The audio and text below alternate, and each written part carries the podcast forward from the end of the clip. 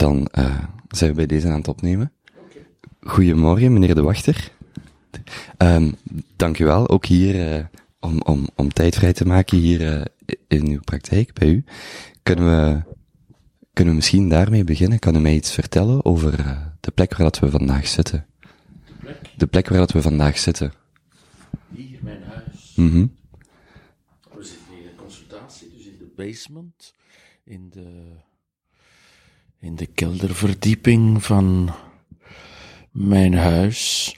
Ja, ik kan daar heel veel over vertellen. Vroeger was dit huis de Rijksmuziekacademie van Antwerpen. Dus als we de oren tegen de muren leggen, dan horen we de muziek die gedurende tientallen jaren hier heeft weerklonken. Dus dit huis, maar ook de twee huizen aan beide kanten, waren de grote muziekacademie. Mm -hmm. uh, dat is wel bijzonder, hè? dat is ook plezant als idee, dat hier zoveel generaties jonge mensen hun instrument hebben bespeeld. Uh, ja, dat is plezant. Uh, en toen ik dat huis kocht, ik had eigenlijk geen geld en het huis stond hier al jaren leeg. Het was een, halve ruïne omdat die drie huizen door die Rijksmuziekacademie toestand uh, half verbouwd waren. Dat waren dus gaten in de muren, dat dat één grote toestand was. Dus dat was eigenlijk een heel uh, ja, vervallen ding hier jaren leeggestaan, was ook uh, veel gestolen. Er, er, waren bijvoorbeeld de deuren, heel mooie deuren die gestolen waren. Geen deuren meer, binnendeuren. Er was een uh, enkele ruiten ingeslagen. Er was een, een schouw, een heel mooie schouw ook, het is een heel mooi huis. Was uitgebroken en gestolen. Enfin, echt een toestand zo. Maar uh, dat is het negatieve stuk uh, in het verhaal. Het positieve stuk, dat is dat als we de, het vast tapijt lostrokken, waren er allerlei platen op de vloer genageld en onder die platen was een prachtige oorspronkelijke parket terug te vinden.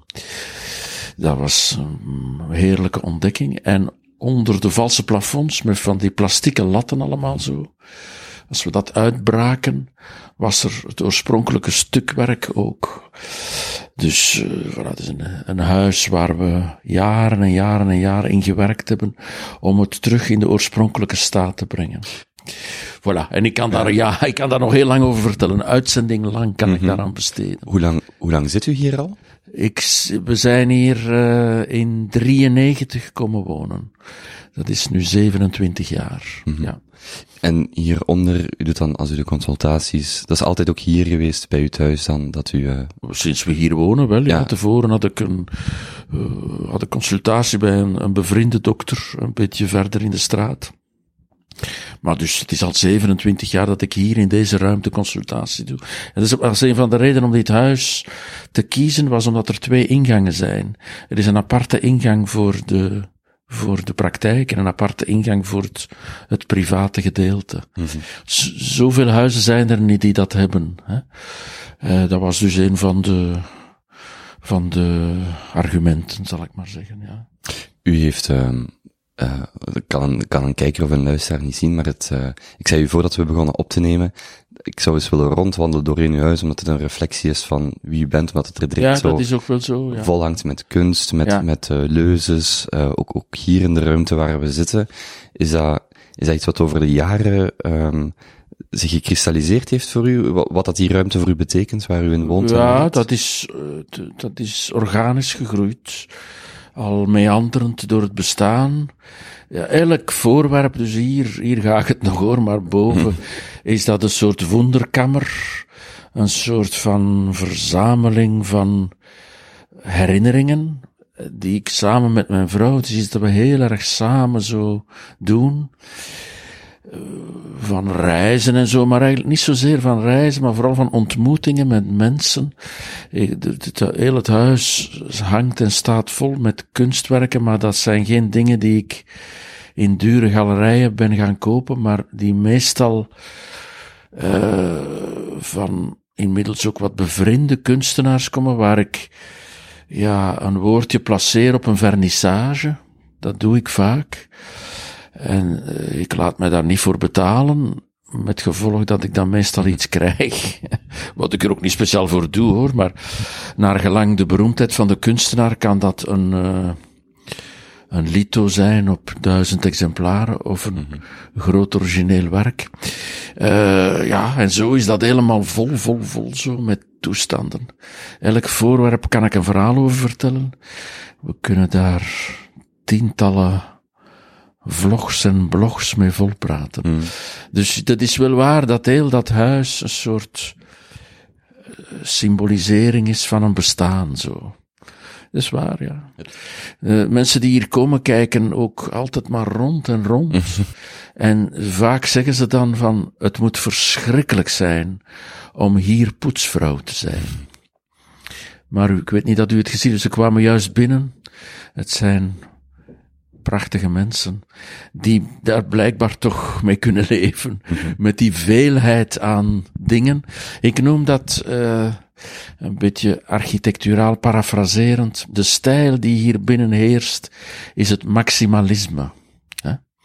U kent het minimalisme, mm -hmm. strak en leeg en hè? En hier is het maximalisme. Maar het is wel minimalistisch in de zin dat u heel goed weet wat hier staat en alles heeft wel een betekenis. Alles heeft betekenis, ja. Er is geen... Er is niks schrijf ik ook al eens over, er is geen decoratie. Hè. Mm -hmm. Kunst is betekenis.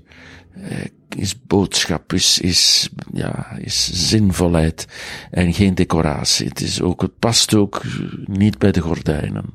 Dus, uh, ja, ja, dus betekenis is een cruciaal begrip in alles waar ik mee bezig ben. En dus ook hier, ja, ja. Zo is het gegaan. Ik zag ook, ik ben enkel op gelijkvloers natuurlijk geweest, maar uh, um, ik zag veel Duitse citaten. Kan u, kan u iets vertellen over uh, Duits als taal? Is dat iets waar u, waar u specifiek... Ja, dat is een beetje toeval misschien, want mm. ik ben toch vooral uh, thuis in de Franse uh, cultuur en de Franse filosofie en de Franse taal ook. Omdat ik ook een stukje in Parijs heb gestudeerd en door de stad Parijs erg ben uh, gefascineerd. Maar ja, dat is toeval. In, in, in de centrale gang is op de muur een hele grote tekst geschabloneerd van Ludwig Wittgenstein, uit de Tractatus Logico Philosophicus. Uh, ja, dat is omdat ik dat een heel bijzonder boek vind, dat ik mm -hmm. ook jaren geleden gelezen heb en wat mij nogal gevormd heeft als systeemtherapeut ook. Uh, ja, dat is daardoor. Hè, en dat is dus helemaal op die muur, maar we zouden dat moeten kunnen uitleggen met het werk erbij eigenlijk. Geschabloneerd, waardoor het door de, de tegels van die muur gedeconstrueerd wordt. Dus het is iets dat ik zelf wat geconcipeerd heb en dat heeft als titel Wittgenstein meets Derrida. Hè? Omdat de tekst door de muur zelf wordt gedeconstrueerd en zo ontstaan er nieuwe woorden in de deconstructie en nieuwe betekenissen. Dus dat is door die Wittgenstein. En als we afdalen van de trap, en dat is wat u gezien hebt, mm -hmm. dan uh, is dat een, uh, een stuk van een Bach-kantate die ik daar zelf op geschilderd heb. Hè. Aus der Tiefen rufe ich her zu dir. Ongelooflijk prachtige Bach-kantate. Wat ik zelf, ten eerste, ik ben een, een reusachtige Bach-liefhebber. Johann Sebastian Bach is, is voor mij de muziek die mij, of zijn muziek is hetgeen dat mij nog altijd het meest raakt. Ja. En aus der, omdat we hier in de basement zitten, in de kelderverdieping, er is nog een kelder hieronder hoor, maar vond ik dat een heel gepast citaat. Zo, aus der tiefen, ik zit hier, ik zit hier deemoedig te luisteren naar het grote verdriet van al die mensen die hier komen. En ik moet mij toch richten tot, tot het kosmische, mystieke, niet weten, uh, om, om dat een plaats te kunnen geven. Dus dat, de, de betekenis daarvan. Dus dat zijn toevallig twee Duitse citaten, inderdaad. Nu. Maar ik ben toch vooral eh, thuis in de Franse cultuur. Mijn Frans is ook veel beter dan mijn Duits. Ik lees wel Frans. Dus voilà, ja. Hè. Wel, Freud natuurlijk een, een bekende Duitsstalige auteur is. En Goethe is ook wel iemand die ik... Ja, het is niet dat ik de Duitse cultuur niet ken, maar als je het zo vraagt, is Parijs en de Franse cultuur toch een belangrijk stuk van mijn achtergrond. Even daarop inpikken. Bach. Ja. Er is heel veel muziek rondom ons, maar ik merk zelf dat de klassiekers mij nog vrij onbekend zijn. Waar begint iemand volgens u best om Bach te leren kennen? Is er zelfs een startpunt? Uh, voor, mij is de, de, zijn de Goldberg-variaties, die in der tijd werden gespeeld door Glenn Gould, hè, de hele bekende pianist, was een beetje, als ik daar reconstrueer terug, was toen waarschijnlijk een jaar of 15, 16, was een beetje het startpunt voor de fascinatie voor Bach. Voilà, ja, zo, maar goed, dat is allemaal soms toevallig. Uh, wat ik met, zelf met Bach heb, maar ik wijd altijd maar uit in uw vragen. Het is te hopen dat dat niet vervelend is, maar, dus zelf heb ik uh, een verzameling van alle niet, maar vele opnames van de, de cello-suites van Bach. Hè? Dus, dus daar ben ik mee begonnen, ook al vele jaren geleden. Ik dacht, ik moet een verzameling hebben. Ik heb veel in mijn leven, maar ik heb geen verzameling. Ik dacht, een mens is niet compleet als hij geen verzameling heeft. Een verzameling of een Bach-verzameling? Een verzameling. Een verzameling. verzameling zo. en uh, een van mijn zeer goede vrienden, mijn leermeester ook, mijn leermeester, die ik uh, enkele maanden geleden heb begraven, mijn leermeester, die had een verzameling, houd u vast, piano's. Zijn vrouw was ook een pianiste, maar hij verzamelde piano's. Hij had tientallen historische piano's. Fantastisch. Hmm. Maar ik dacht, ja, piano's, dat is wel ten eerste duur en ten tweede groot. Waar zit het dat? Hè? Dus ik dacht, nou, wat kan ik nu verzamelen? Ik wil een verzameling. En dan ben ik begonnen met het verzamelen van opnames, CD-opnames, van de cello suites van Johann Sebastian Bach. Ondertussen heb ik er zeer veel, zeer veel. Dat eindigt ook niet, want er worden er bij wijze van spreken elke maand, of nog meer dan elke maand, nieuwe opgenomen. En dan ben ik ook, ja, men, men laat mij dat weten en men stuurt mij dat op en zo. Ben ik, uh, de, de opnames van andere instrumenten, de, dus de cello suites, maar dan gespeeld op andere instrumenten. En dan, uh, LP's, 78 toerenplaten en cassettebandjes, van alle materiaal van de cello. Ook de cello zijn, denk ik, een mooie introductie tot het werk van Bach. Zelf in mijn jeugdjaren uh, heb ik vaak de orgelwerken van Bach gehoord, omdat ja, thuis bij, mij, bij mijn vader en zeker bij mijn, ik had uh, twee onkels die priesters waren en ja, de, het orgelwerk van Bach was daar nog altijd. En dat heeft mij eerder wat van Bach weggehouden dan mij daarin getrokken, eigenlijk zo. Uh, toen, hè, toen. Dus ga maar voor de Goldberg-variaties als eerste stap. Hmm. Voilà. Is er, zijn er plannen om uh, een, een, een ik, en geen persoonlijke tour door uw huis, maar een, ik, ik mij een publicatie of iets dergelijks voor. Is er, eh, zijn er überhaupt ideeën rond om, om een keer uh, mensen al dan niet publiekelijk uh, uw, uw ik, ik, ik, ik, zal het anders zeggen. Ik kijk graag mini-afleveringen of documentaires waar iemand mensen door een, waar mensen iemand anders door een huis nemen. En niet van MTV de Show My Crib de 10 miljoen dollar huizen. Maar net, net wat u vertelt. Nee, want dat is het zeker nee. niet. Nee, waar, waar die plannen zijn er niet en dat is ook niet de bedoeling. En ik vind ook dat ik daar mijn, mijn privacy toch een beetje wil respecteren. Er zijn soms wel al eens, ik sta al eens voor de camera hè, als psychiater voor allerlei uh, toestanden. En dan wordt er wel al eens gefilmd in dus enkele verdiepen hoger in de bibliotheek zo, wat ook een uh, bijzondere ruimte is. Ik heb de mooiste bibliotheek van de wereld, zeg ik altijd, die door een goede vriendin gemaakt is. Maar u schrijft er ook over. Dat heb ik eh, geschreven, ja, dat is fantastisch eigenlijk. Dus dat mag daar wel gefilmd worden, maar om nu uh, rondleidingen te geven, dat vind ik ook een, dat zou wel een heel uh, narcistiforme toestand zijn. Maar goed, vrienden, die worden hier wel graag een beetje rondgeleid. Ik zeg het, mensen kijken heel veel rond. Ze zeggen, maar wat is dat wat is dat? En ik kan overal wel wat over vertellen. Dat is heel plezant natuurlijk. Hè. Maar ik heb geen plannen om hier een uh, publieke rondleiding te organiseren. Dat niet. Nee, nee, nee. Die, ik, wil even teruggaan toen u, toen u de keuze maakte om geneeskunde te studeren of de psychiatrie in te gaan. Was dat, hoe is die keuze tot stand gekomen? je hebt daarover gelezen? Of, of, want, dus ik ben uh, geneeskunde gaan doen om psychiatrie te, te doen. Hè. Ik, ik uh, was vast van plan, zover ik dat allemaal kan reconstrueren, want het geheugen is een bedriegend ding, maar ik was vast van plan vanaf mijn 15, 16 jaar om psychiater te worden. Dat was het idee, dat is ook zo gebeurd. Hè? Dus geneeskunde studeren was met het idee psychiatrie te doen en niks anders. Zo, hè. Maar, dat is natuurlijk een ingewikkeld verhaal altijd. Een mens zijn leven is niet eenduidig.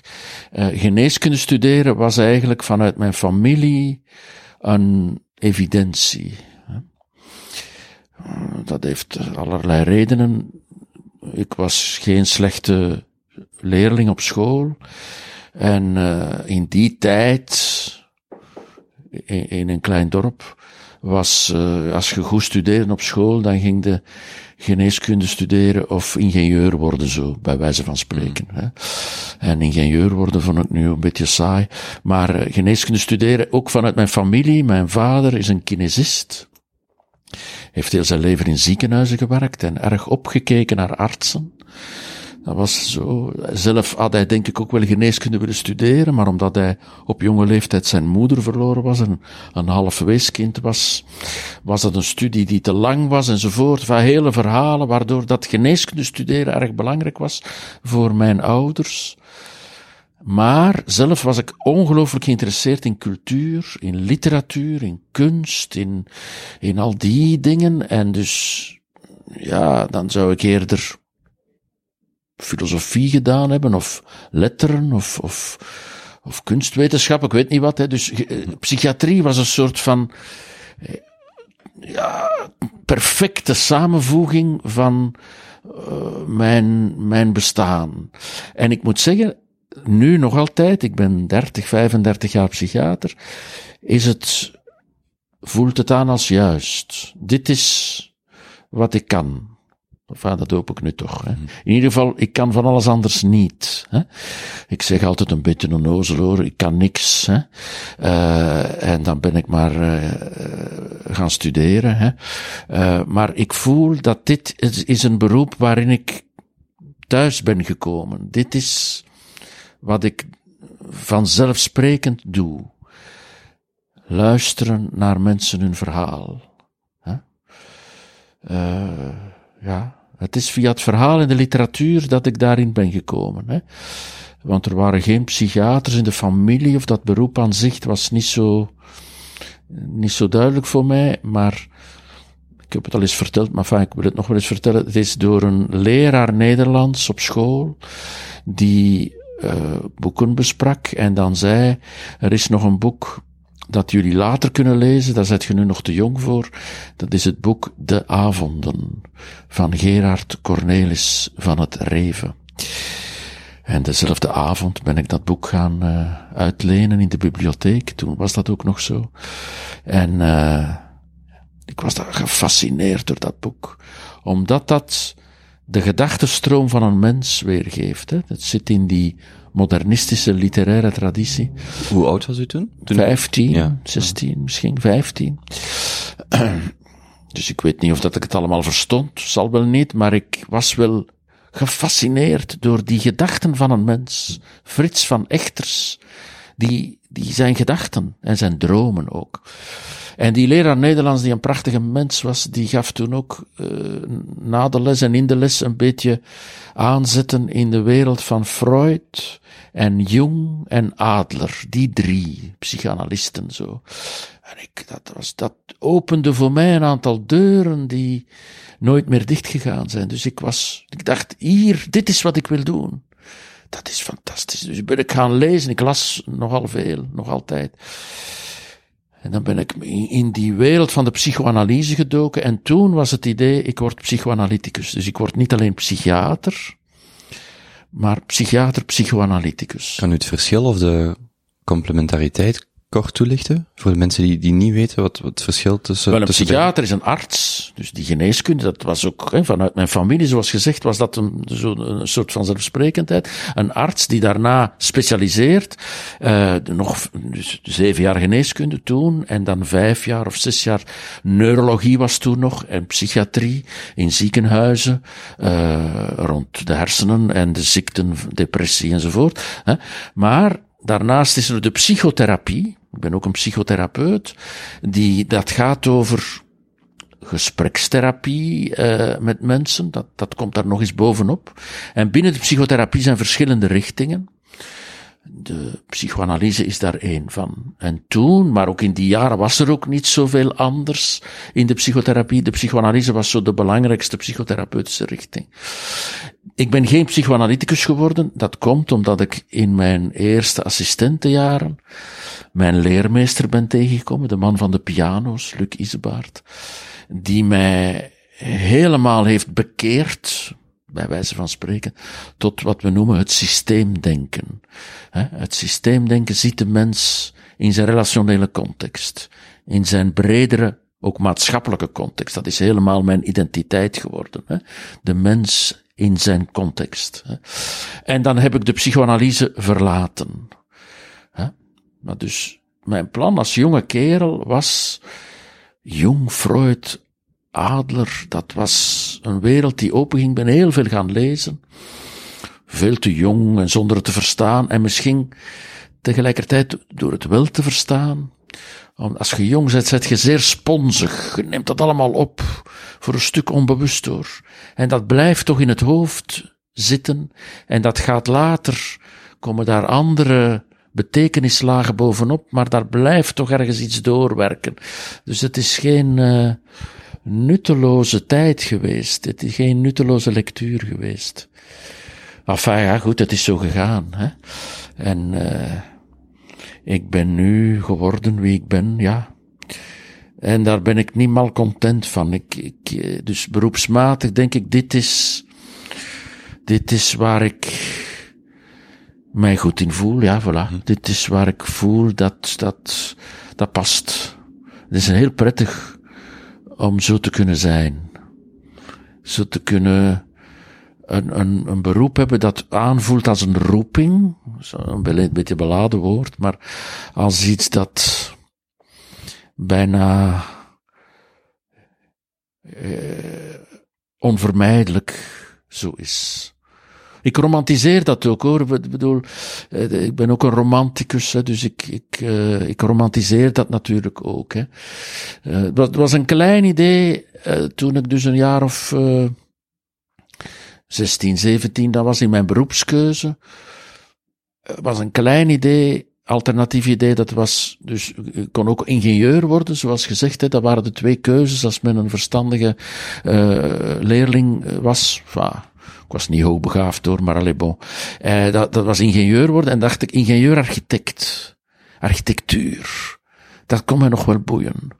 Tot de dag van vandaag ook. Ik ga graag ja, huizen en, en, en uh, hoe mensen wonen en uh, het modernisme daarin ook en zo. En uh, ik heb drie kinderen. Eén is architect, één is psychiater en één zit in een andere wereld. Misschien of misschien niet, is, werkt in de reclame. Is dat de, de, jongste? De jongste, de jongste. Ja, ja, ja. Dus mijn kinderen hebben wel drie verschillende dingen gedaan die toch uiteindelijk ook heel erg aansluiten bij mijn leefwereld en de leefwereld van mijn vrouw. Ja, zo gaat dat in het leven, hè, hoe dat dat toch allemaal toeval is en ook niet. Enfin goed, dat had, leidt had, ons te ver. Nee, uh, ik, ik, ik had ook verder opgeschreven, um, uh, esthete en estheticisme, en ik moest daar nu net aan denken wat u vertelt, dat uh, de rol van schoonheid of de perceptie van schoonheid wel een rode draad is die jullie allemaal ja, zo, zo, lijkt te verbinden. Zeker, ja.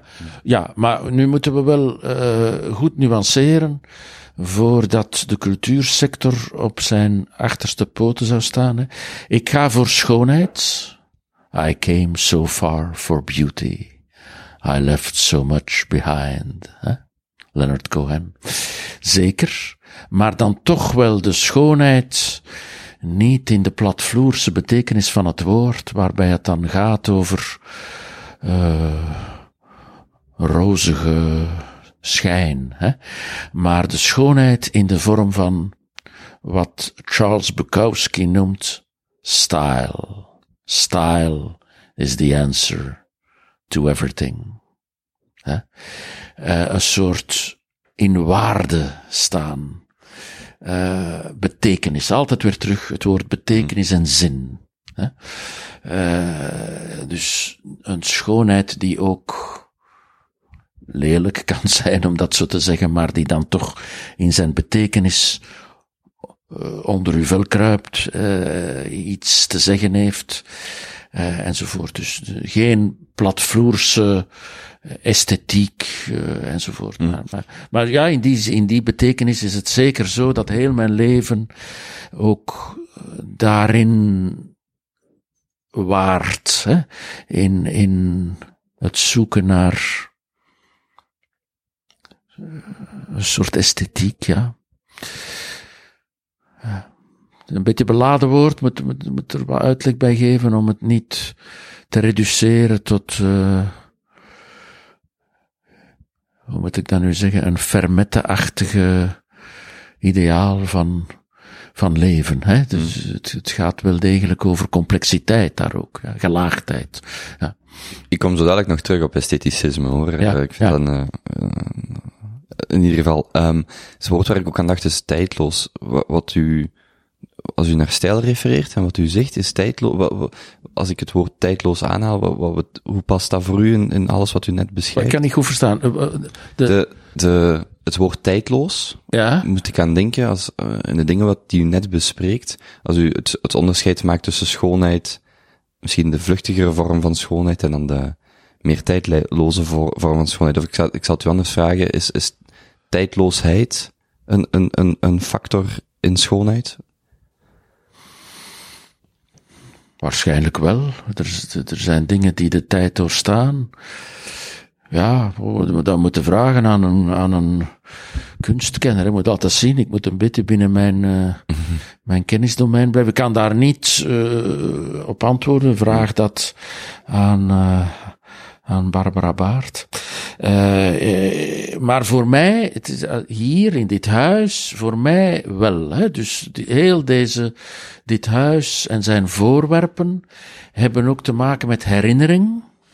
Met het, het vasthouden van herinnering. Zeker, ik ben een romanticus, zoals gezegd, maar ook een beetje een melancholicus. Uh, dus de tijd verglijdt en alles gaat voorbij. En we houden dat een beetje vast met al die voorwerpen en al die herinneringen en al die dingen die dat dan, die daarnaar refereren, maar die ook tegelijkertijd tonen, het is niet meer. Hè? Uh, zo ben ik ook nog heel vaak bezig met de doden, bijvoorbeeld. Hè? De mensen die er niet meer zijn, maar toch nog altijd heel erg aanwezig zijn in wederom al die voorwerpen, ook wel foto's en allerlei dingen. Uh, ik ga ook graag, heb ik ook al geschreven, naar begraafplaatsen waar ik wandel en dan bij wijze van spreken in dialoog ga met de mensen die niet meer levend aanwezig zijn, maar nog altijd heel erg aanwezig zijn. Zoals ik op de cimetière Montparnasse in Parijs Marcel, graag ga spreken met, uh, met Sartre en de Beauvoir, maar ook wel met Baudelaire en met uh, Stefan Hessel en met uh, Huysmans en met, uh, met ja, wie, wie ligt er nog allemaal? Enfin, een, een, een, een hele hoop volk. Ik, ja, dus het vasthouden van de vergeleidende tijd is zeker een stuk van mijn zijn. Ja, zeker, zeker. Gaat u, gaat u ook graven bezoeken of opzoeken? Waar ik ja. aan moet denken is, ja. uh, u schrijft ook over Michel de Montaigne of, of speelt ook een ja. rol, zeker in uw, in uw laatste boek. Um, is dat dan bijvoorbeeld een, niet van hem specifiek, maar zijn dat mensen waarvan u zegt, diens graf zou ik wel eens willen gaan bezoeken. Ja, zeker, zeker. Dat doe ik zeker. Ja, dat heb ik nu niet gedaan met mm -hmm. Montaigne. Ik ben ook zijn toren nog niet gaan bezoeken. uh, hij is ook nog maar enkele jaren in mijn leven. Nu ondertussen wel al 15 jaar of zo hoor. Maar uh, hij behoort niet tot mijn jeugdauteurs. Uh, ja, ja, dat doe ik zeker, zeker. Ja, ja, ik ga heel graag uh, zo het huis, ja, het is altijd hetzelfde, het huisbezoek. Ik ben zo enkele maanden geleden uh, in, in Weimar in het huis van Goethe geweest. En dat is natuurlijk heel speciaal, omdat dat huis bewaard is gebleven zoals toen Goethe nog leefde, omdat hij had twee zonen en die uh, hebben dat zo bewaard. Totdat zij gestorven zijn, is daar niks aan veranderd. Hè. Uh, die, die zonen hebben niet zoveel van hun leven gemaakt. Het enige dat ze gedaan hebben is hun vader geëerd. En dus dat huis is nog, dat vond ik fantastisch om daar rond te lopen, in dat huis van Goethe. Dat huis, dat, ja, ja, ja. Maar dus ook het graf, het graf van Goethe, dat daar in een speciaal gebouwtje ligt tussen de, tussen de heers van, van het uh, hertogdom daar. Eh, ja, ja, dat doe ik graag, dat doe ik graag. Die, die huizen, die herinneringen, maar ook het graf, zeker en vast, zoals gezegd, in de Parijse kerkhoven, maar ook zeker, ja, ja, de, de graven en de doden. Ik heb wel graag de doden zo.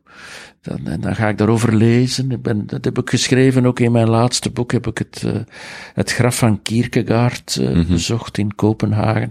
Dat is heel plezant, zoiets. Zo. Ik vind dat heel plezant. Zo. Ja, het, ja. het doet mij ook denken daarom dat ik Michel de Montaigne aanhaalde. Als ja. ik de eerste keer dat ik het las, er zo overdacht, was hij die dan schreef uh, dat boeken vrienden zijn of ja. een vriendschap representeren. Ja. Een, een, een, een monologe, maar een, een vriendschap die er altijd is, die stil is, die er is ja, jij hem ik deel dat wel zo, een heel romantisch idee. Daaraan, ja, het doet mij daaraan. Een heel romantisch idee en dat deel ik wel, ja. zeker. Maar dus, dus niet, enfin, ik denk niet dat het erg obsessioneel is, dus ik, het is niet dat ik echt de graven van iedereen wil bezoeken. maar als ik ergens ben, dan vind ik het, uh, het huis en de herinnering en de plaatsen waar iemand geweest is en het graf wel een heel uh, prettig idee zo.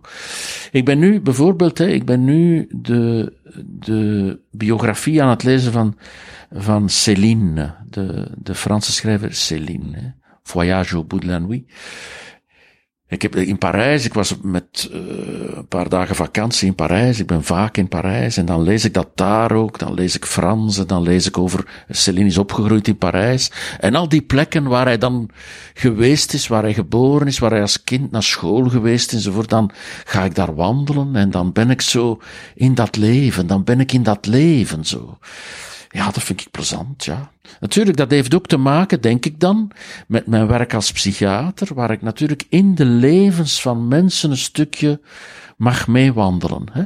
Dat vind ik ook een groot, uh, een groot, uh, een genoegen, meer, meer dan een genoegen, een, een soort eer om te mogen een stukje meewandelen in het leven van mensen. Want dat is wat hier natuurlijk gebeurt in mijn consultatie. Dat is dat ik, ja, het symptoom of het probleem ook een beetje probeer in het leven te weven. En dus in gesprek gaan met mensen over hun oorsprong en hun leven. En dat is wat ik dus in mijn vrije tijd, zal ik maar zeggen, ook wel doe. Hè? Door, door, ben, bi biografieën kunnen mij erg uh, hmm. fascineren, maar ook de plekken, de, de, de, de, fysieke plaatsen die daarmee verbonden zijn. Dat vind ik heel plezant, ja. ja. Dus, ja, het hangt allemaal wel een beetje samen. Er is een zeker uh, coherentie in dat gebeuren. Ja. Enfin, ja, goed. Uh, zeker, zeker, zeker. Ik, um, ik had dat zelf met, um, ik heb vorig jaar een halfjaartje in Wenen gezeten. Ja. En ik ben bij Michel de Montaigne gekomen via de biografie van Stefan Zweig. Ja, ja, dan zeker. Magellaan ja. gelezen van ja, Stefan Zweig. En dan ja. Op een bepaald moment dus Montaigne, Magellaan, dan over Zweig zelf de wereld van gisteren gaan lezen. Ja, ja. Dan een biografie. Fantastisch auteur is ja, dat ook. en, en dan schrijft hij in de wereld van gisteren over de plekken, de, de koffiehuizen waar dat hij zat. En dan ga ik daar naartoe en dan Ah, daar voilà, iets lezen. dat En, is dan de, helemaal, en dat is is super. vol- Volkomen wat ik bedoel. Ja. Natuurlijk, ik ben ook in Wenen geweest, al verschillende keren. En dan uiteraard Freud gaan opzoeken. En eh, hij was oud, maar hij was er toch nog.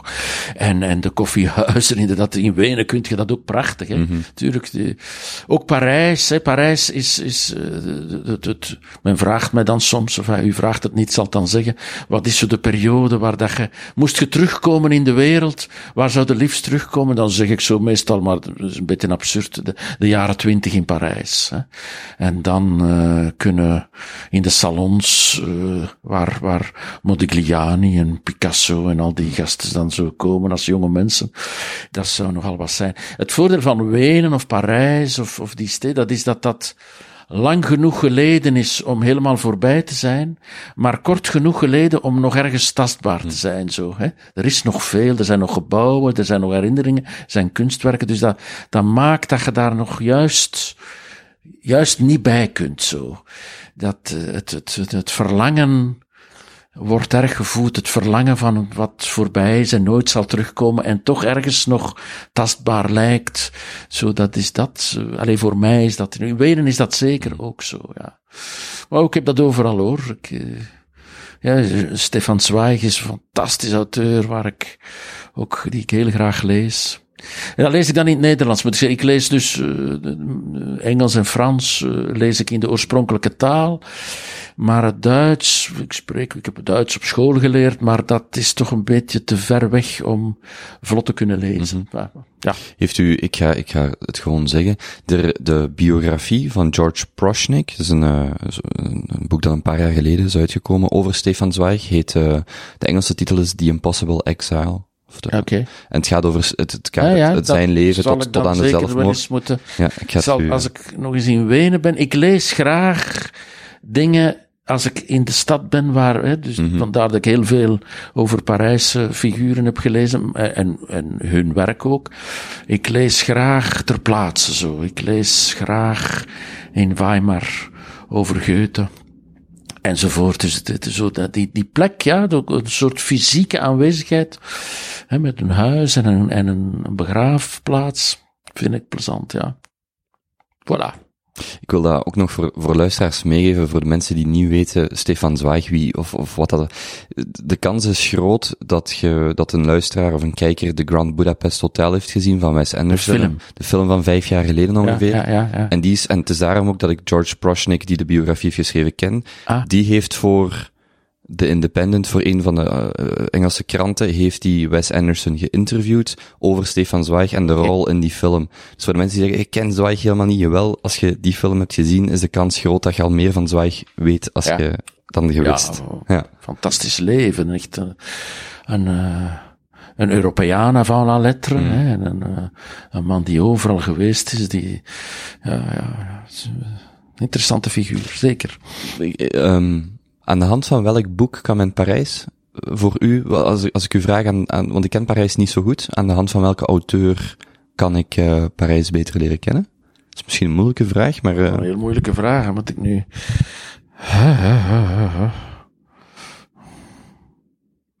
Ja, dat weet ik niet zo goed. De, de stad Parijs zelf... Voor een, uh, voor een stad te leren kennen moet je niet een boek lezen, maar wandelen. Je moet wandelen, wandelen en verloren lopen en flaneren en wandelen. Ja. Een auteur, waar is het? Hmm. Proest. maar dan moet veel lezen, heel veel lezen. Uh, Als je Proest wilt lezen in de stad, heb je wat tijd ja, nodig. Wandel ja, wandel maar, wandel maar. Ja. Loop rond loop rond en blijf rondlopen en loop verloren en ja, ik heb zo geen auteur waar dat staat, weet ik nu niet zo direct concreet. Nee. Willebek. veel van uh, het werk van Beck, ook zijn, zijn laatste boek ook weer, uh, speelt zich af in Parijs en, en uh, maar goed, of dat dat nu een boek is om de stad echt te leren kennen. In ieder geval de minder fraaie kant kan daar naar voren komen. Ja, ik weet, ik, weet, ik heb geen specifiek werk of specifieke auteur dat nu, mij nu zo voor ogen komt. -hmm. Ik wil, ik wil nog kort tussendoor vragen. Is, de, is het in de opleiding dat u ook uw vrouw heeft leren kennen? Dat u die ontmoet heeft? In, ja, tijdens de, de studies geneeskunde, ja, ja. Dus ik was uh, niet zozeer geïnteresseerd in de studies geneeskunde en nog veel minder in studentengeneeskunde. Want ik was bezig met literatuur. Ik las boeken terwijl dat cursussen moest leren. Dat, uh, ja. En ik, uh, ik ging niet naar kantussen of naar naar, af en toe wel, maar niet zoveel naar, de, naar alle bijeenkomsten die door de faculteit werden georganiseerd. Ik was met andere dingen bezig. Ik ging naar tentoonstellingen en andere En dus tegen, tegen uh, beter weten in, uh, was mijn vrouw toch ook een student geneeskunde. En, uh, zeg ik altijd zo, ben daar ook heel romantisch in. Het moest zo zijn. Hè? Het kon niet anders. Dat, uh, dat was een in de sterren geschreven geschiedenis. Ik geloof niet in de sterren, hè, maar zo voelt het aan als een onvermijdelijk gebeuren. Zo, ondanks de geneeskunde. Uh, voilà, ja. En ook daar, hetzelfde als met mijn psychiater zijn, lijkt het juist. Een heel romantisch idee, maar goed, ik kan er maar goed mee zijn dat het zo voelt. ja. voelt, voelt die onvermijdelijkheid ook op het moment zelf aan, of, of, of komt dat achteraf pas? Mm. Wel, het, het, het, is, wat ik vertel is altijd achteraf. Nee, het was op het moment zelf. Mm, ja. Een soort, dit is, dit is wat het moet zijn. Zoiets. I stepped into an avalanche. It covered up my soul. Zoiets.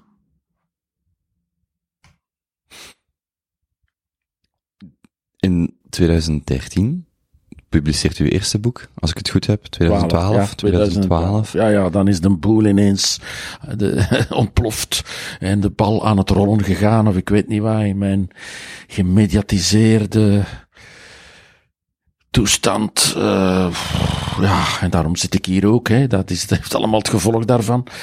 En dat heeft voor- en nadelen. Dat heeft voor- en nadelen. Ik kan dat niet genoeg benadrukken dat dat een heel ambivalent gebeuren is. Hè.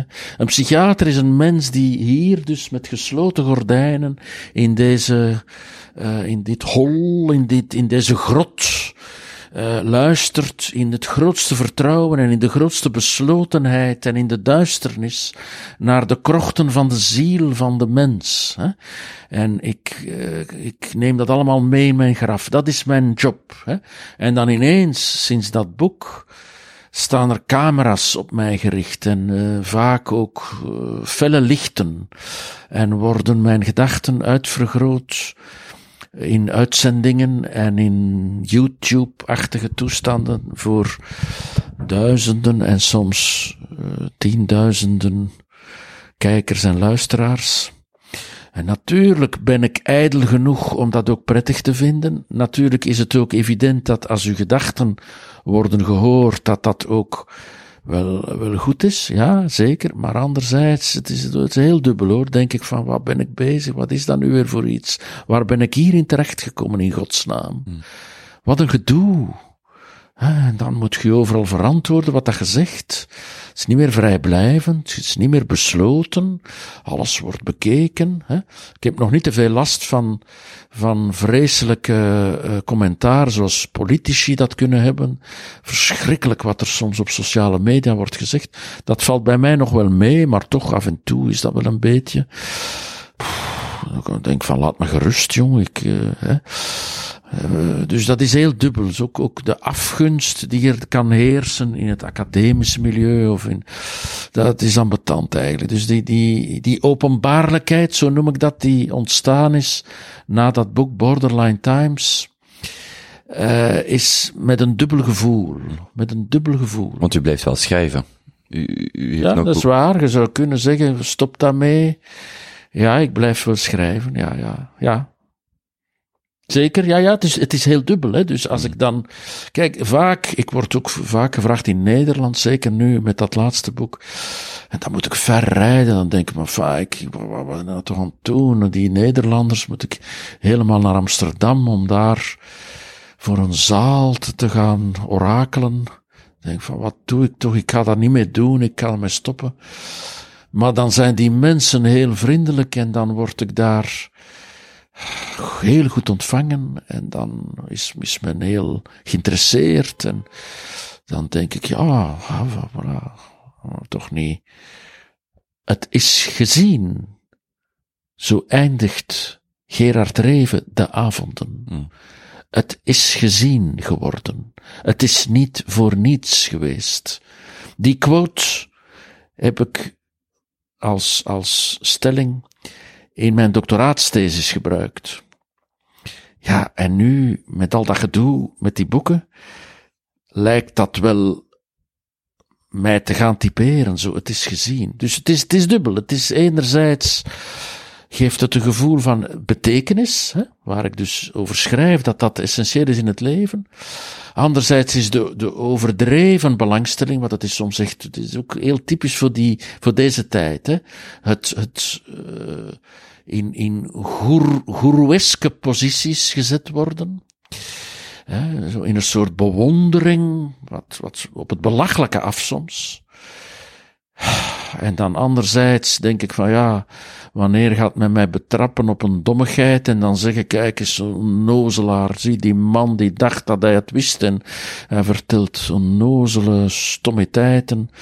We, we serveren hem nu af voor goed. Hij blijkt alleen maar gebakken lucht te zijn. dat is hoe, dat, hoe dat de media functioneren. Hè.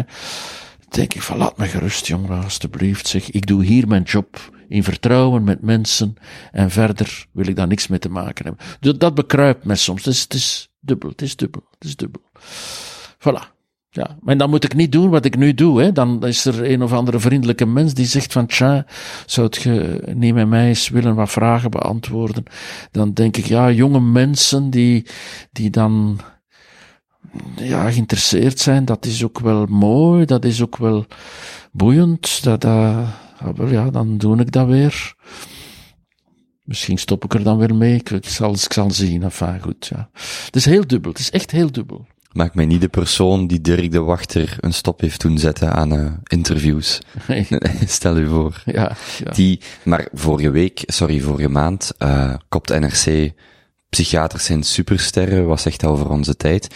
Ja, ah, maar ja, dat is dat wat ik bedoel, hè. dat is wel belachelijk ook, op, overdreven, denk ik van, ja, we zijn geen supersterren, dat vinden mijn collega's ook niet.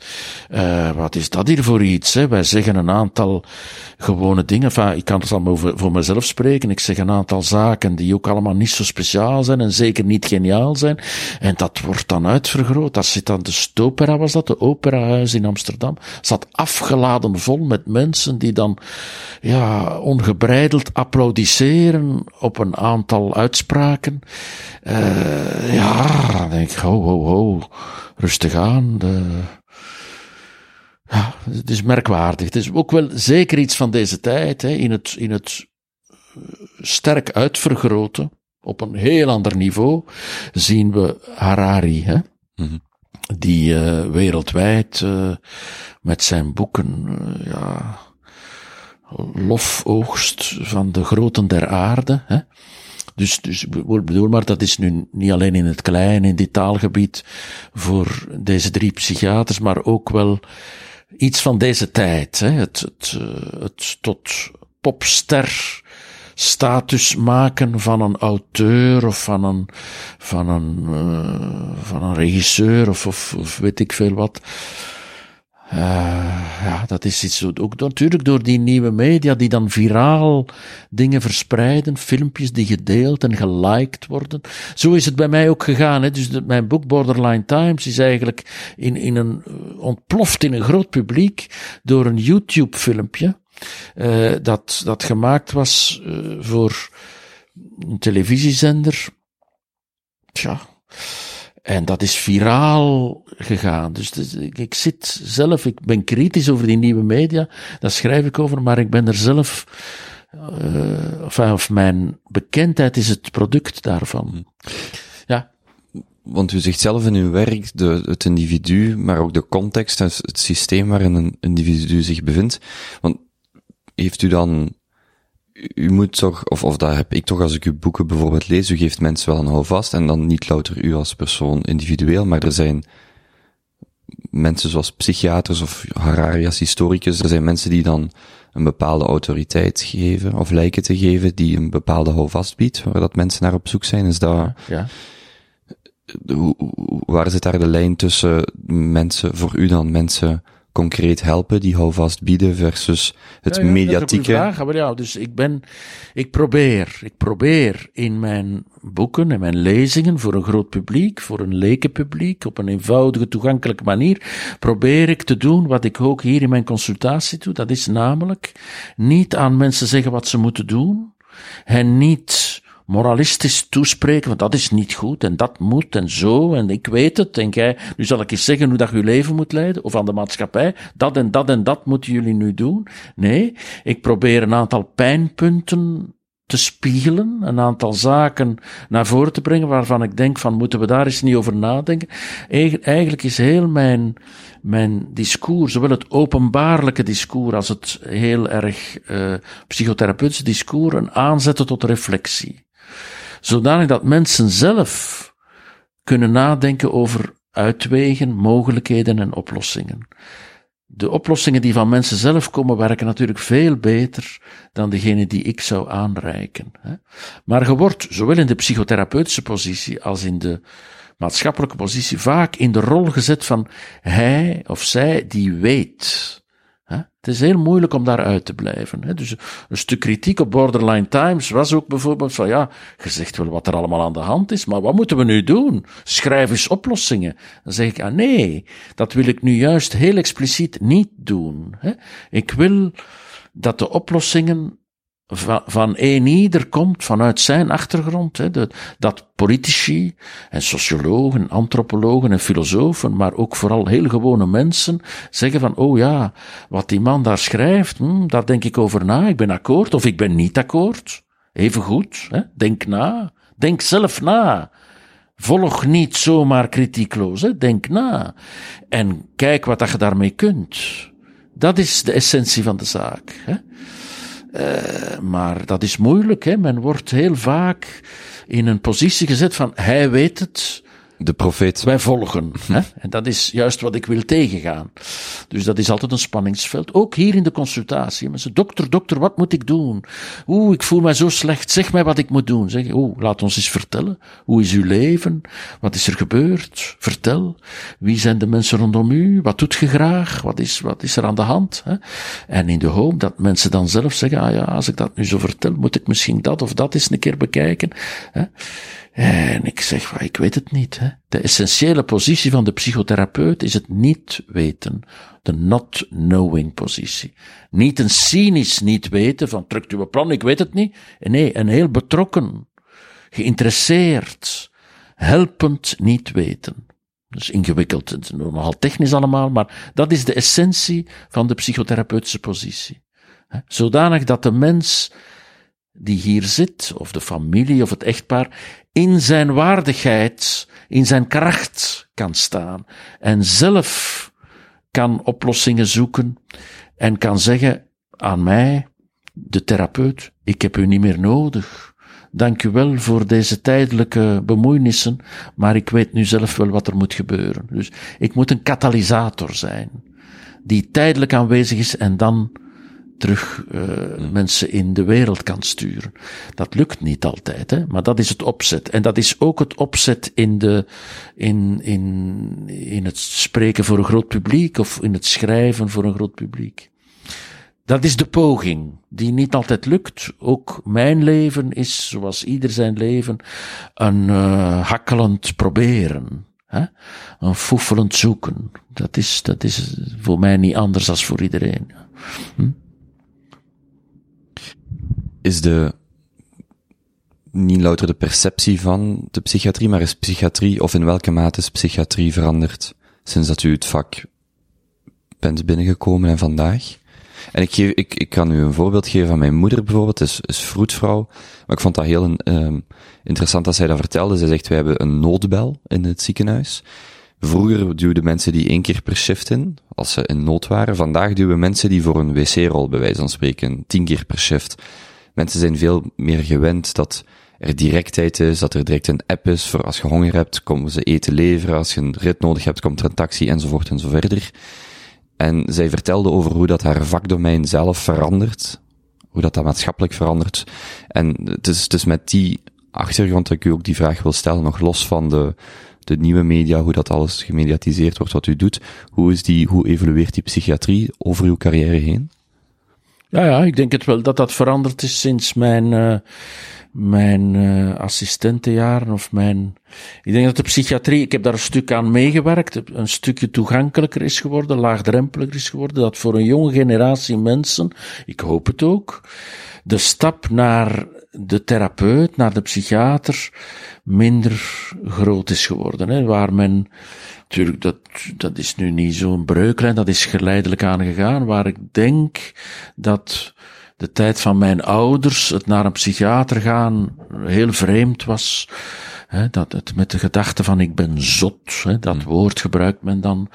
Uh, en waar ziekenhuizen, psychiatrische ziekenhuizen ook plekken waren waar, waar men waar men opgesloten werd en waar men lang dan verbleef en niet buiten kon en waar men ook niet wist wat er allemaal gebeurde, hè, denk ik dat de, maat, de, de, de, de psychiatrie nu heel erg vermaatschappelijk is, laagdrempelig geworden, dat het transparanter is wat er gebeurt. Er is nog veel werk te doen, maar ik denk dat dat wel veranderd is. Ja, ten goede. Dat denk ik wel. Hè, dat, dat de psychiatrie meer en meer een normale plek kan innemen in de wereld van de geneeskunde. Het is nog niet helemaal hoor. Hmm. Psychiaters worden nog altijd een beetje bekeken van, dat is toch wat raar, hè? Toch raarder dan een, uh, een, een maagspecialist of zo. Dat, dat, dat, maar, maar toch, ik denk dat, daar, dat dat veranderd is. Dat het laagdrempeliger en transparanter geworden is. Dat denk ik wel.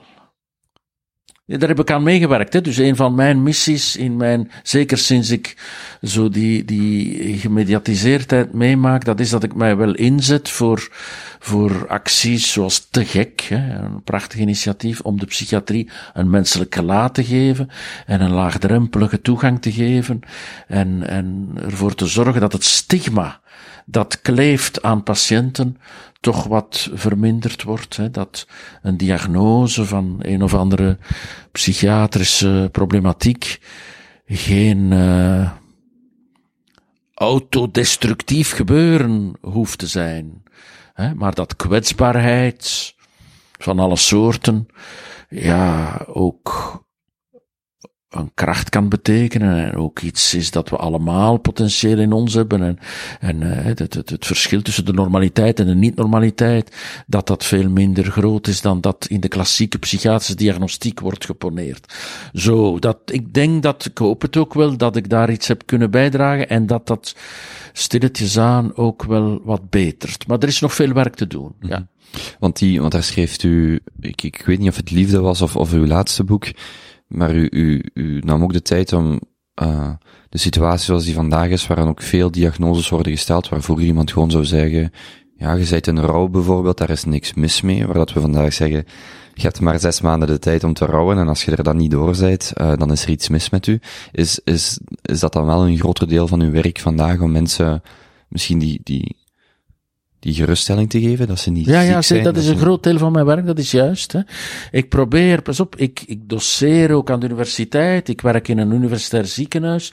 Het is onvermijdelijk en ook daarom niet alleen slecht dat diagnostische labels daar zijn om wetenschappelijke redenen, om, om redenen om, om wetenschappelijk verantwoorde zorgpaden ook te kunnen aanbieden. Ik ben genuanceerd daarin hoor. Maar een groot stuk van mijn psychotherapeutisch werk is om te zeggen, ja, dat dit is de diagnose.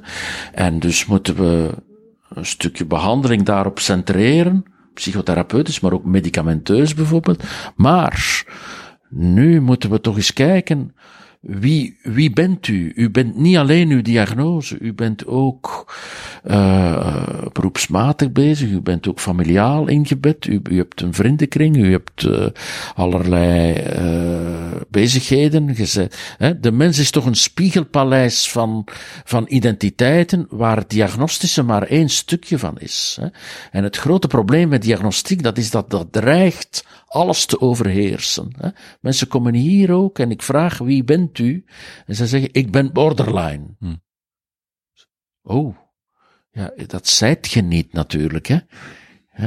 Je hebt dat, dat is een stukje van uw identiteit. Maar uh, psychiatrische diagnostiek dreigt overrompelend te identificeren. En psychotherapeutisch werk is natuurlijk mensen juist wel weder, weliswaar die diagnose niet te ontkennen, niet te zeggen dat dat niet waar is, of niet kan, of niet mag, maar te zeggen, ja, oké, dat is maar één aspect van het leven. Laat ons eens kijken welke andere aspecten daar ook nog zijn, en hoe we kunnen bouwen op talenten en mogelijkheden, uh, ondanks, dankzij, met de diagnose. Dat is wat we noemen in de psychiatrie de herstelbeweging, hè? recovery, niet genezing, maar herstel. Dat is met een problematiek een goed leven leiden. Hoe kunnen we goed, waardig leven met de achtergrond van depressie, van psychotische kwetsbaarheid en andere zaken die aanleiding zijn geweest tot psychiatrische diagnose. Dat is mijn werk, dat is mijn werk, ja. Gaat een, gaat u als psychiater, uh, maakt u een einde aan uw actieve loopbaan? Blijft iemand psychiater of blijft u psychiater? U wordt het jaar 60 of bent het al geworden, ik weet uw exacte geboortedatum niet. Ja, maar... wel aan de universiteit en in het ziekenhuis waar ik werk is het op 65 gedaan. Hè? Dat stopt daar. Die, moet dat, ook, er is geen... Dat moet, dat moet, ja, ja, zeker aan de universiteit staan nu al mensen te trappelen om universitaire benoemingen in te nemen. Dat gaat zo, dat is een zeer ambitieus milieu. Uh, ja, maar ik blijf psychiater. Ik, als mijn gezondheid het toelaat, zie ik mij nog wel vele jaren werken. Misschien nog wel een klein beetje rustiger dan nu, want het kan toch ook wel heel veel zijn. Hè? Uh, maar ik zie mij wel verder werken tot, ja, totdat het allemaal nog wat goed lukt zo. Hmm. Uh, ik denk ook, kijk, er is, uh, er is een groot tekort aan psychiaters, dus er is ook maatschappelijk wel een grote vraag om te blijven werken. Uh, ik vind ook, het is een beetje raar om te zeggen ook dat ik beter word met de jaren.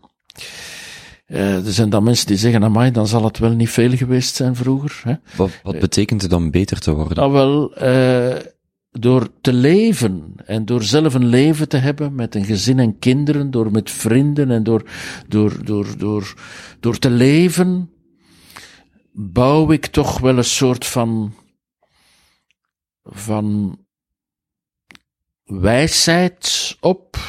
Ik, ik, geen kennis, maar een soort evidente levenservaring op, die in mijn beroep erg belangrijk is, die gewoon te maken heeft met het langer leven en met het leven zelf. Niet alleen met het aantal boeken dat ik dan meer gelezen heb, met het aantal consultaties dat ik meer gedaan heb ook wel, meer en meer, die, die dus maken dat ik, ja, meer ervaring in mijn hoofd heb om goed te kunnen luisteren, om niet te vlug te oordelen, om vanuit mijn eigen leven te vermijden om al te snel raad te geven en te zeggen wat er zou moeten. Ja, ik heb de indruk dat ik uh, daarin nog verder vooruit kom.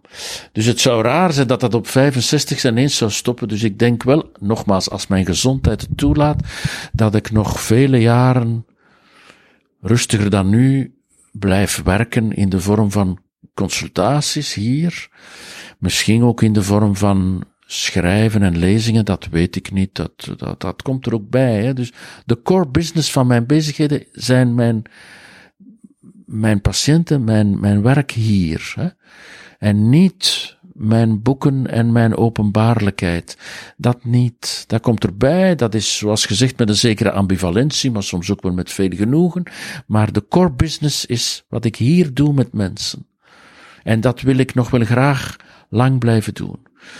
Liefst ook niet te lang. Hè? Als ik voel dat het wat begint te haperen, of dat het toch wel niet meer zo scherp gaat, of eh, dan hoop ik dat ik zelf. Ik denk dat mijn vrouw, mijn vrouw is, is heel wijs in die dingen en staat ook heel goed met de voeten op de grond.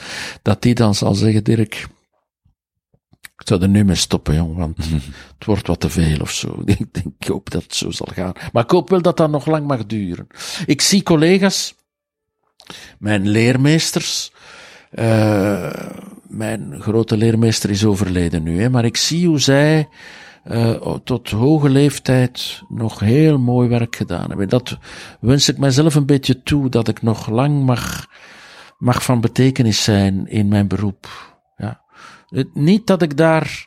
Ik heb genoeg andere bezigheden en ook veel belangstellingen en ik veel, veel.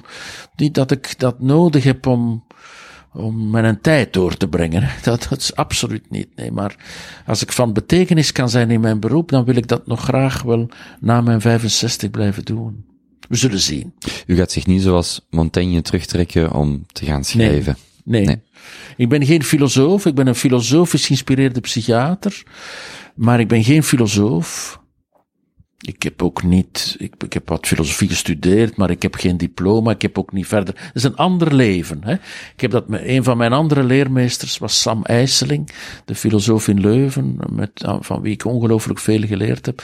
En ik schrijf het ook, maar ik zal het nog eens vertellen dat ik hem altijd zei van kijk, psychiaters, dat is toch nog interessanter, want dat is met mensen, dat is rechtstreeks met het verdriet van de mens.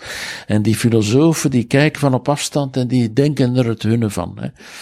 En inderdaad, dus ik zit hier met de voeten in het slijk te worstelen met, met het directe verdriet van de mens. Eh, dat is iets anders dan de Montaigne die in zijn toren zit en dan na. Het moet ook gebeuren. Ik heb het grootste respect voor de filosofen, dat weten ze ook wel. Maar ik, eh, ik daal af en ik sta in het slijk. Hè. Eh, voilà, ieder zijn positie. Ik ga ook graag in de toren om dan met die wijze mensen te spreken op metaniveau. Wat is het leven? Moeder, waarom leven wij?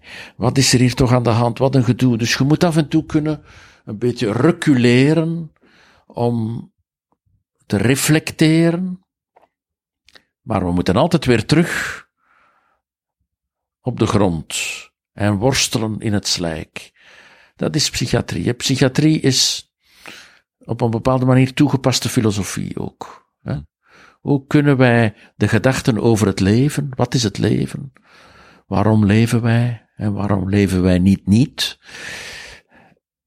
Dat in het gesprek brengen, daarom niet altijd zo rechtstreeks. Hè. Dat is niet dat, dat de psychiatrische consultatie of de psychotherapeutische consultatie een soort filosofisch discours is, hoor. Zeker niet.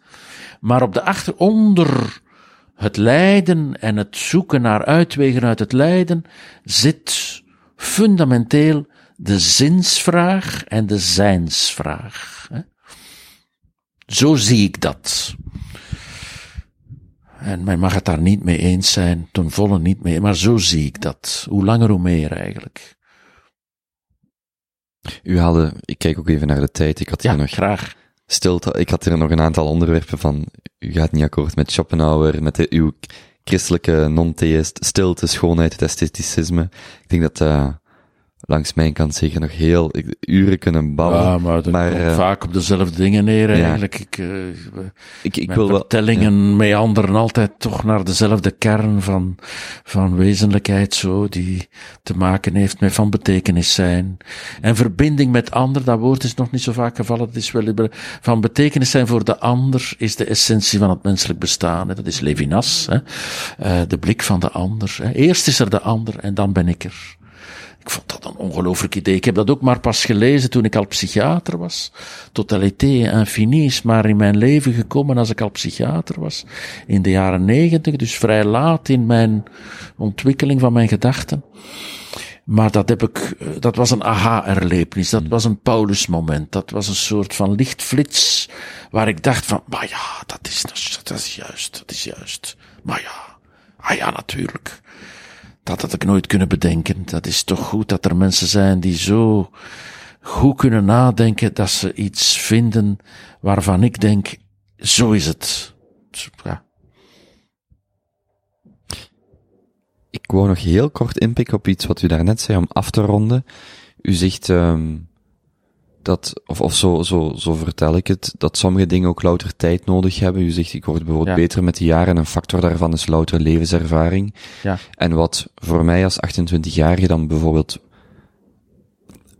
De, de, ik zou dan de neiging hebben, of geef mij antwoorden, in plaats Ja. van geef mij meer vragen. Ja. En soms is het antwoord louter, tijd brengt raad, met der tijd komen bepaalde inzichtingen, ouders die je verliest, partners die de- dergelijke dingen kun je niet forceren. Zeker. Is dat, ik, ik, ik weet niet waar mijn, dat is iets waar, waar ik het zelf, iets, iets waar ik moeilijk een plaats kan geven. Ik wou op die noot dat misschien mee eindigen van hoe, ehm ja, wat, wat geeft u, wat geeft u mensen daarin mee? Alles is zo vluchtig, zo snel.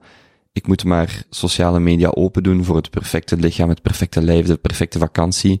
Hoe hou ik zelf die, ehm, dat perspectief in het achterhoofd van, met, dat is niet, nog, nogmaals, dat is niet een raad die ik geef van nu moet jij eens een keer wat dit en dat, zo gaat dat niet. Maar ik hoop hier gewoon al dit werk, hier de tijd nemen en hier niet onmiddellijk in directe blitsen en, en modieuze uh, oplossingen uh, gaan, gaan verwijlen, maar de tijd nemen, de stilte toelaten, wat Heidegger, de, de, de, Duits, de Duits filosoof dan toch weer Heidegger, waar Levinas toch zich zijn denken op gebouwd heeft, wat Heidegger noemt, das Warten ohne Erwartung. Het kunnen verwaren in de tijd, het zijn zelfst, hè, dat plaatsgeven, dat onder het discours kunnen plaatsen, het hoopvol kunnen tijd nemen. Watchful waiting noemen we dat in de geneeskunde ook. Hè. Daar, dat is de essentie van het psychotherapeutische werk. Hoopvol wachten, met vertrouwen dat er altijd wel oplossingen zijn. There is a crack in everything. That's how the light gets in. Een soort van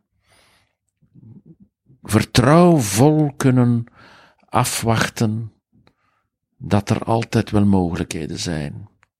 Dat is de essentie van het psychotherapeutische werk. Denk ik. En dat is, ik zeg dat altijd als grapje ook, dat mijn naam, de wachter, daar zo mooi in past. Ik was daar niet, niet, niet uh, bewust van. Het is pas recent dat, dat ik dat samen met Sam IJsseling heb kunnen lezen in de Holzwegen van Heidegger, waar hij zegt het wachten, dat is eigenlijk het essentiële van het zijn. En ik ben de wachter, dus dat is wel grappig eigenlijk. Op die noot, hartelijk dank en uh, tot een volgende keer. Als je geniet van gesprekken zoals deze, abonneer je dan op Spotify of YouTube, geef een recensie op Apple Podcasts of volg me op Instagram, at de Kobe Show. Ik zit ook op Twitter, at Kobe van Rippelen. Een podcast zoals deze luister ik aan gratis, maar het maken is dat helaas niet. Als je waarde in deze gesprekken vindt, overweeg dan om bij te dragen via kobe.show steun. Zoals altijd, dank om te luisteren en tot gauw.